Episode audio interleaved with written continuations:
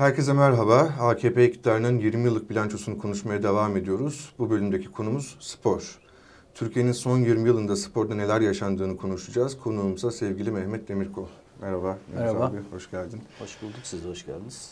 Ee, şöyle genel bir soruyla başlayalım diyorum. Şimdi biz bu söyleşi serisinde farklı başlıklarla bu son 20 yılı ele alıyoruz. Sporda da tabii ki birçok şey yaşandı. Türkiye'de zaten çok ciddi dönüşüm ve değişimlerin olduğu bir 20 yıldan bahsediyoruz. Peki iyi veya kötü bu değişimden, bu dönüşümden sporda nasibini aldı mı yoksa spor siyasetten ve ekonomiden azade bir şekilde değerlendirebileceğimiz bir ilerleme mi kaydetti? Ee, tabii ki ayıramayız. Ee, çünkü hani sporda ekonomi ve politikadan direkt etkileniyor. Ancak genel e, dinamikleri açısından ondan önceki dönemle çok büyük bir fark olduğunu düşünmüyorum. Yani siyaset aynı oranda bence dahil. Ondan önce de çok için içindeydi. Ee, yani federasyon başkanlığı seçimlerinde vesaire. Ee, ondan önce de çok içindeydi. Hala öyle. Ee, tabii ki hani mesela çok güçlü belediyelerin çok güçlü kulüpleri desteklediğini ondan önce de biliyoruz. Ya işte Kocaeli Spor mesela bunlardan çok önemli örneklerden biridir. Çok da başarılı dönemleri vardı. E bu dönemin dinamikleri içinde de başka belediyelerde aynı durum söz konusu. Ee, genel anlamında çok dinamikler değişmedi. Belki en az değişen yer sporda diyebiliriz. Yani belli oranda mesela spor medyası da en özgür medyanın spor medyası olduğunu söyleyebiliriz bu anlamda. Ee, tabii ki hani bu 20 yılda yekpare olarak değerlendirmek doğru olmaz. Evet. İlk 10 yılı, ilk 5 yılı farklıydı. Sonraki 5 yıl, 10 yılı farklıydı. Mesela ben e, TRT'de yayın yaptığım dönemde Melik Gökçek'in e, e, belediye olarak desteklediği, hatta sonra şahsi olarak da desteklediği o dönemin işte Osmanlı Spor'a dönüşen Ankara Sporu, yani belediyelerin e, takımı olmamalı diye TRT'de eleştirdiğimi ve bu konuda hiçbir tepki almadığım bir dönemi de hatırlıyorum. Dolayısıyla bu tek bir yekpare dönem değil, parça parça değişik dönemlerde değerlendirmek lazım. Ama tekrar edeyim, genel dinamikler açısından ondan önce en azından benim hatırladığım dönem, ki 80'lerin başından itibaren çok ciddi, ciddi iyi hatırladığımı ve takip ettiğimi söyleyebilirim. Genel dinamikler açısından çok ciddi bir değişiklik yok. Peki e, genel dinamikler ve sportif başarıları kenara bırakırsak, spor yönetimine bakarsak, AKP'nin spor karnesi nasıldı? Federasyonlar ya da spor ve e, gençlik bakanlığı arasında. Yani burada da net bir şeyden bahsedemeyiz. Mesela jimnastikte inanılmaz benim e, taha, tahammül edem, e, tahmin edemeyeceğim yüksek başarılar var. E, dünya şampiyonu oldu sporcumuz. Yani olimpiyatlarda çok başarılı sonuçlar aldık. Ya şimdi bu bir tarafa. E, şimdi hani bunu direkt AKP'nin işte spordaki büyük başarısı olarak adlandıramayız. E, ama var bu. Başka sporlarda. Mesela halterde de çok geriye gittik. Ee, yüzmede başarılarımız var ama İzmir'de hala bir tek bir e, yüzme e, havuzumuz var. Yani olimpik anlamda. Yani parçalı diyebiliriz. Gene tıpkı e, AKP 2002 öncesi gibi. Peki şunu sormak istiyorum. Ee, tribünlerin toplumsal muhalefet açısından görünür olduğu bir dönem oldu. 2010'ların en başı herhalde. Aklıma gelen örnekler e, basketbol dünya şampiyonasında Türkiye-ABD maçında o referandum günü olan yuvalama, sonra Türk Telekom Arena'nın açılışı, 2013 gezi olaylarında çarşının politize olması vesaire. Ee, ama sonrasında 2014'te Paso Lig'in gelmesiyle beraber sizce siyasi iktidar bu toplumsal muhalefet potansiyelini dizginlemeye çalıştı mı? Öyle düşünmüyorum. Ee, orada yani o dönemki dinamikler farklı. Ee, bir karşı çıkma var. Sonra da bir bıkkınlık dönemi var. Yani Fenerbahçe taraftarının 3 Temmuz sonrasındaki tepkileri de e, gene o günkü dinamikler içinde geçerliydi.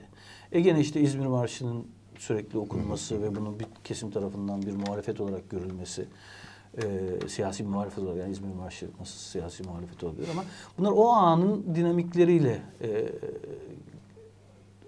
açıklayabileceğimiz şeyler.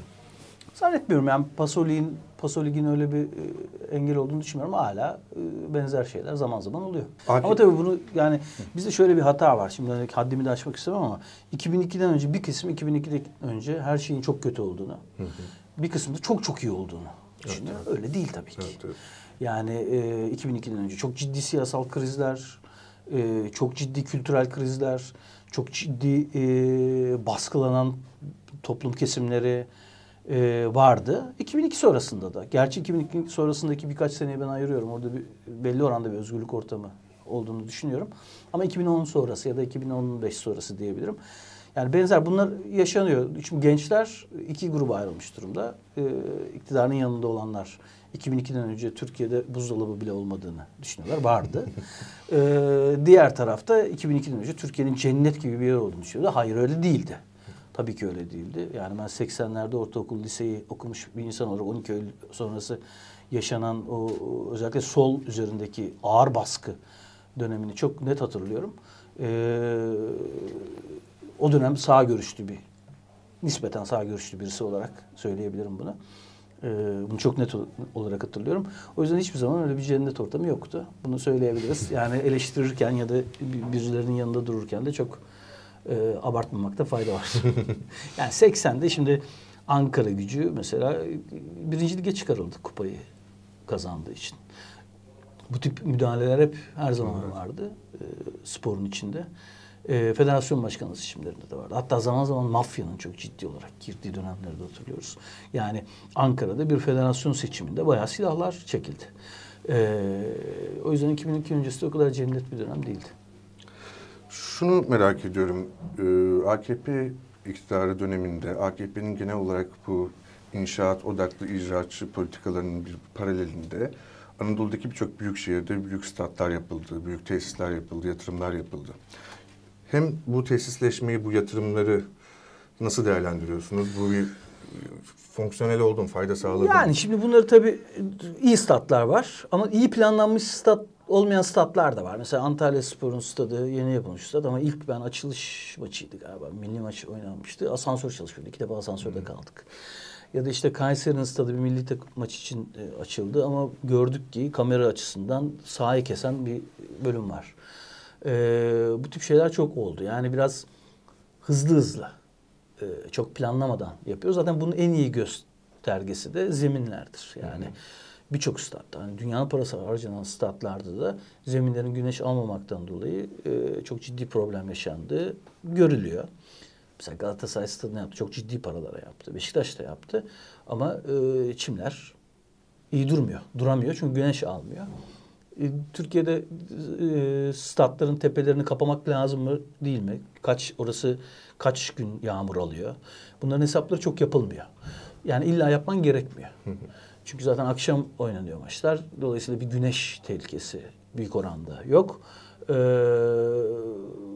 yağmur da yağma sayıları. Onların hep hesabı yapılır. Yapılan şeylerdir. Buna göre inşaatlar yapılması lazım. Öyle yapılmıyor.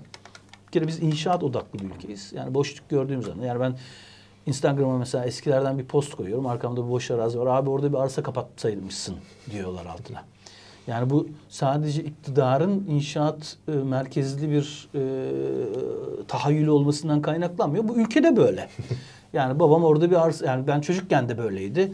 İşte dedem Mecidiyeköy'den arsa almış sonra vazgeçmiş falan hikayeler hepimiz işte orası evet, tuttukken. Evet. Bu bizim kodlarımızda var. Yani böyle ama böyle dizayn edildi. Yani bu herhalde e, Menderes döneminden beri böyle olsa gerek. Yani mesela ben İstanbul'u çok severim, aşığım yani. Eskiden hani uzak kaldığım zaman taksiye binerdim e, Yeşilköy'de Atatürk Havalimanı'nda. E5'ten gidelim abi, Tem'den gidelim derdi. Yok derdim. İlla Sarayburnu'nu dön bir göreyim ben şehri. Özledim. E şimdi oradan geçmemeye çalışıyorum. Geçerken de kafamı bu tarafa çeviriyorum ki o karşıdaki rezaleti görmeyeyim de. Peki ama bu yatırımların Anadolu'ya e, yönelmesinde Hı. iktidarın yine siyasi ideolojisine ve söylemine paralel olarak sporun merkezini en azından futbolun merkezini İstanbul'dan Anadolu'ya kaydırmak gibi bir gelişim oldu mu sizce? Olabilir böyle bir plan. Ee, ama ne kadar oldu bu? Pek olmadı yani. Anadolu'dan şampiyon çıkmıyor işte. Yani Trabzonspor bu sene olacak gibi duruyor. Ama gene İstanbul odaklı. Yani Başakşehir oldu şampiyon. Alternatif olarak da Başakşehir oldu. Bir Bursa Spor 2010'da bir. Yani Anadolu tanımının içinde de Bursa devasa bir e, sanayi şehri ve artık yani bir saat yol. Yani direkt öyle Anadolu, Konya'nın, Kayseri'nin, Antep'in şampiyon olması olarak değerlendiremeyiz. Yine oradan burada dönüyor iş. Ama tabii ki bir takım değişiklikler var. Hiç kuşku yok. Mesela Fenerbahçe'nin biraz dışarıda kalışı. Fenerbahçe Cumhuriyeti e, denen kavram Fenerbahçe'nin ayrı bir cumhuriyet olması anlamına gelmiyor. Türkiye Cumhuriyeti'ninki Fenerbahçe'nin yerinde, yerini anlatan bir şey. Oralarda tabii e, bir takım eksen kaymaları oldu. Bu konuda hiç şüphe yok. E, ama genel olarak yani ülkenin gidişatı, öncesindeki gidişat, o kodlarda bence hiçbir şey yok. Temel olarak şöyle bir durum var tabii. En büyük problem o. Ee, biz altyapı dediğimiz zaman ne anlıyoruz? Yani insan altyapısı değil, biz beton anlıyoruz. Esasında temel sorun bu. Bunu da sadece ben iktidarla açıklamanın biraz kolaycılık olduğunu düşünüyorum. Yani bu genel olarak kültürel e, bir durum. Ee, evet bir altyapı çalışması yapalım ama orada bir dolu çocuk var. İşte ben bir dönem söylüyordum. Sonra rahmetli Hasan Doğan da bence e, son dönem futboldaki en başarılı federasyon başkanı. Çok kısa dönem kalmasına rağmen en azından hakemlik müessesesini değiştirmesi açısından önemliydi. Ee, o da kullandı bunu. Yani biz Real Madrid'e bir oyuncu yollayamazken Almanya e, Türklerden üç tane bir, sene, bir dönem yolladı. Üç Türk birden vardı Real Madrid kadrosunun içinde. Ee, bizim insan altyapısını e, doğru yetiştirme konusunda sorunlarımız var. Ama şunu söylemem lazım. Yani demin jimnastik örneği verdim. Orada bir problem yok. Orada bir problem Ben de bununla ilgili bir şey merak ediyorum. Şimdi mesela Bu genel bir spor politikasının gerçek anlamda bir spor politikasının olmayışıyla alakalı. Peki mesela futbolda ligin kalitesinin kötüleşmesinden söz ediliyor. Ama bir taraftan da bu 20 yıl içerisinde baktığımızda mesela basketbolda önemli bir atılım Evet. oldu. Hem ligin kalitesi yükseldi. Öncesinde de vardı. Öncesinde de vardı. Ee, Meyvelerini mi topladık?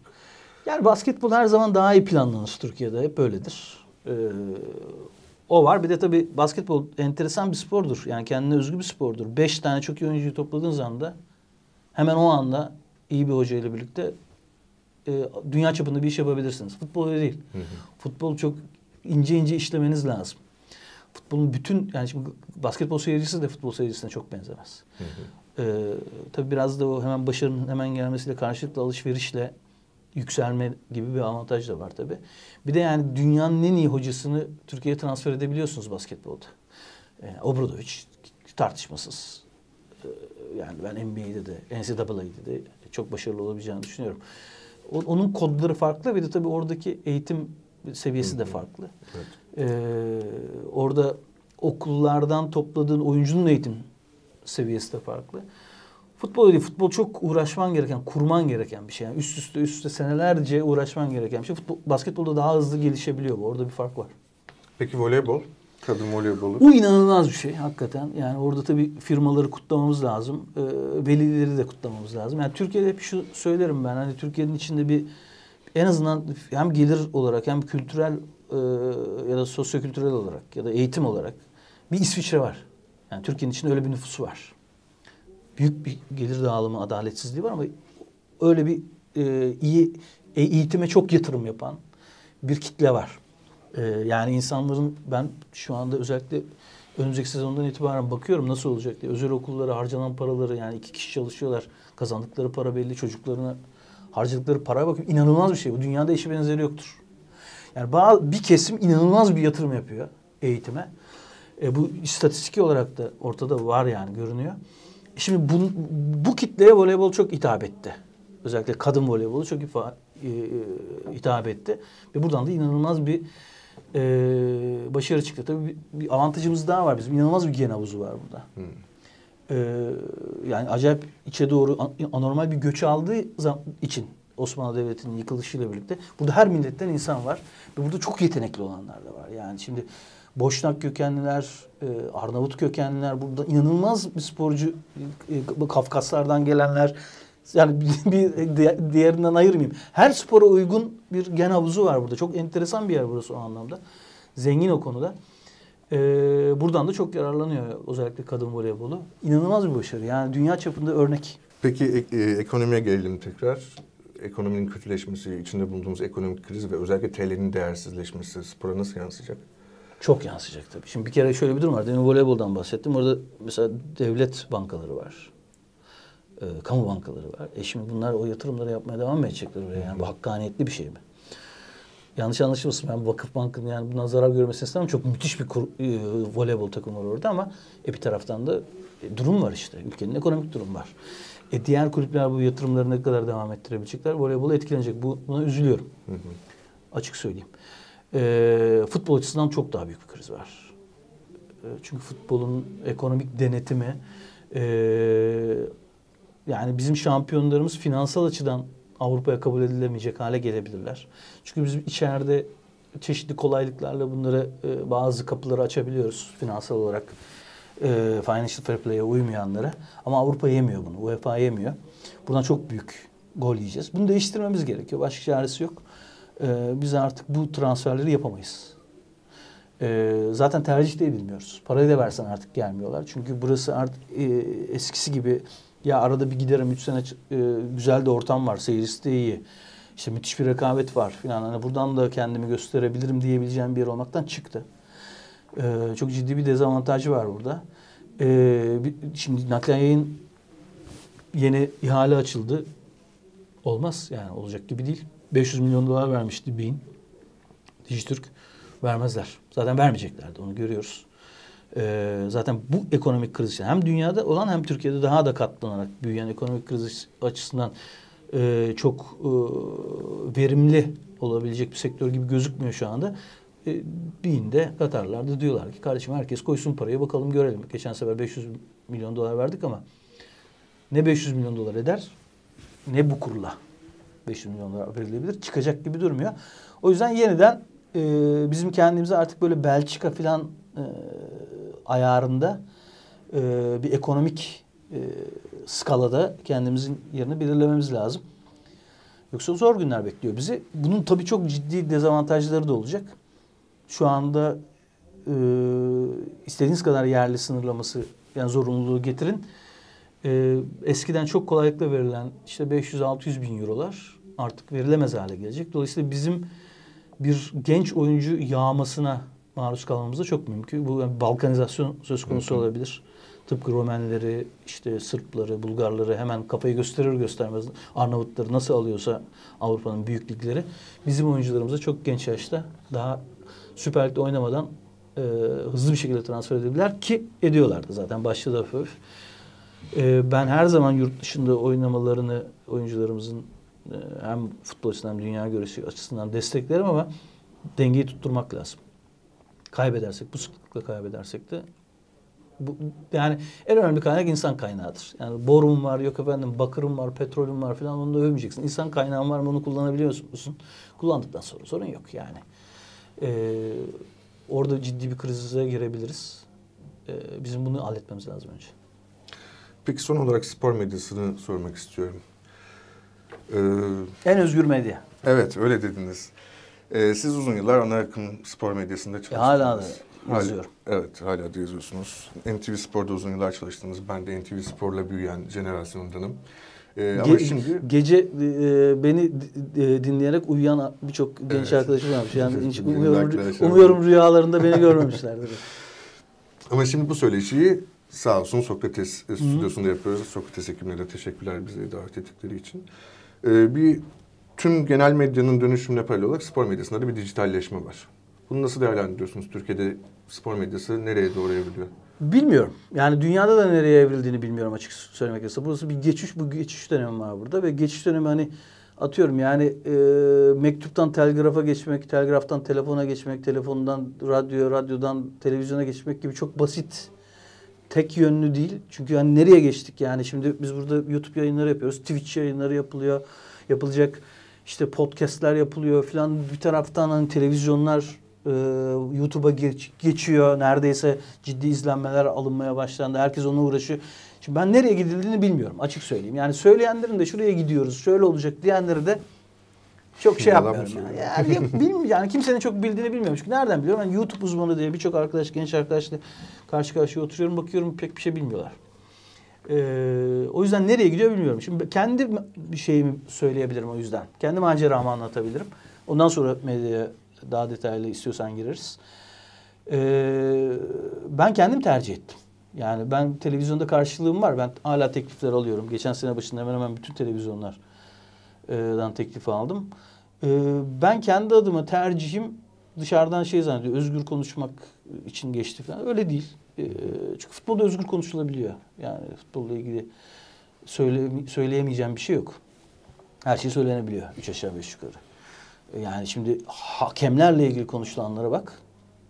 Yani adalet sistemiyle ilgili karşılaştırmak gerekirse böyle konuşabilmek mümkün mü? Değil. Hakimlerle ilgili her şeyi söyleyebiliyorsun. Federasyonla ilgili her şeyi söyleyebiliyorsun. Yani bu sorun yok. Bu hiçbir sorun yok buralarda. Televizyonun e, genel yapısı artık eskidi. Onu söyleyebilirim. Türkiye'de özellikle. Benim geçiş sebebim o. Yani hala Kenan Onuk'tan, Fuat Akdağ'dan kalan, Fuat Akdağ'ın geliştirdiği, Kenan Onuk'un kurduğu Fuat Akdağ'ın geliştirdiği, tabii ekibiyle birlikte hep beraber aynı şablonlar kullanılmaya devam ediyor ve bence artık karşılamıyor. Ee, bugün başka bir şeye ihtiyaç var ve dolayısıyla bunu yapanlar da var. E, sosyal medyada ya da e, işte YouTube'da vesaire. Benim geçim sebebim bu. Ee, hem de biraz daha az çalışırım diye düşünüyordum ama öyle olmadı. Ee, çünkü iş büyüyor, gittikçe büyüyor. Büyük bir teveccüh var. Sponsorlardan büyük bir teveccüh var. İzleyicilerden çok büyük bir teveccüh, var. Benim geçim sebebim bu. Kendi maceram bu. Ama yani genel olarak medyadaki durum e, bence gene en özgür medya spor medyası diyebilirim. Otosansür açısından da en önemli, en önemlisi o bence. Yani sansürden çok otosansürdür önemli olan.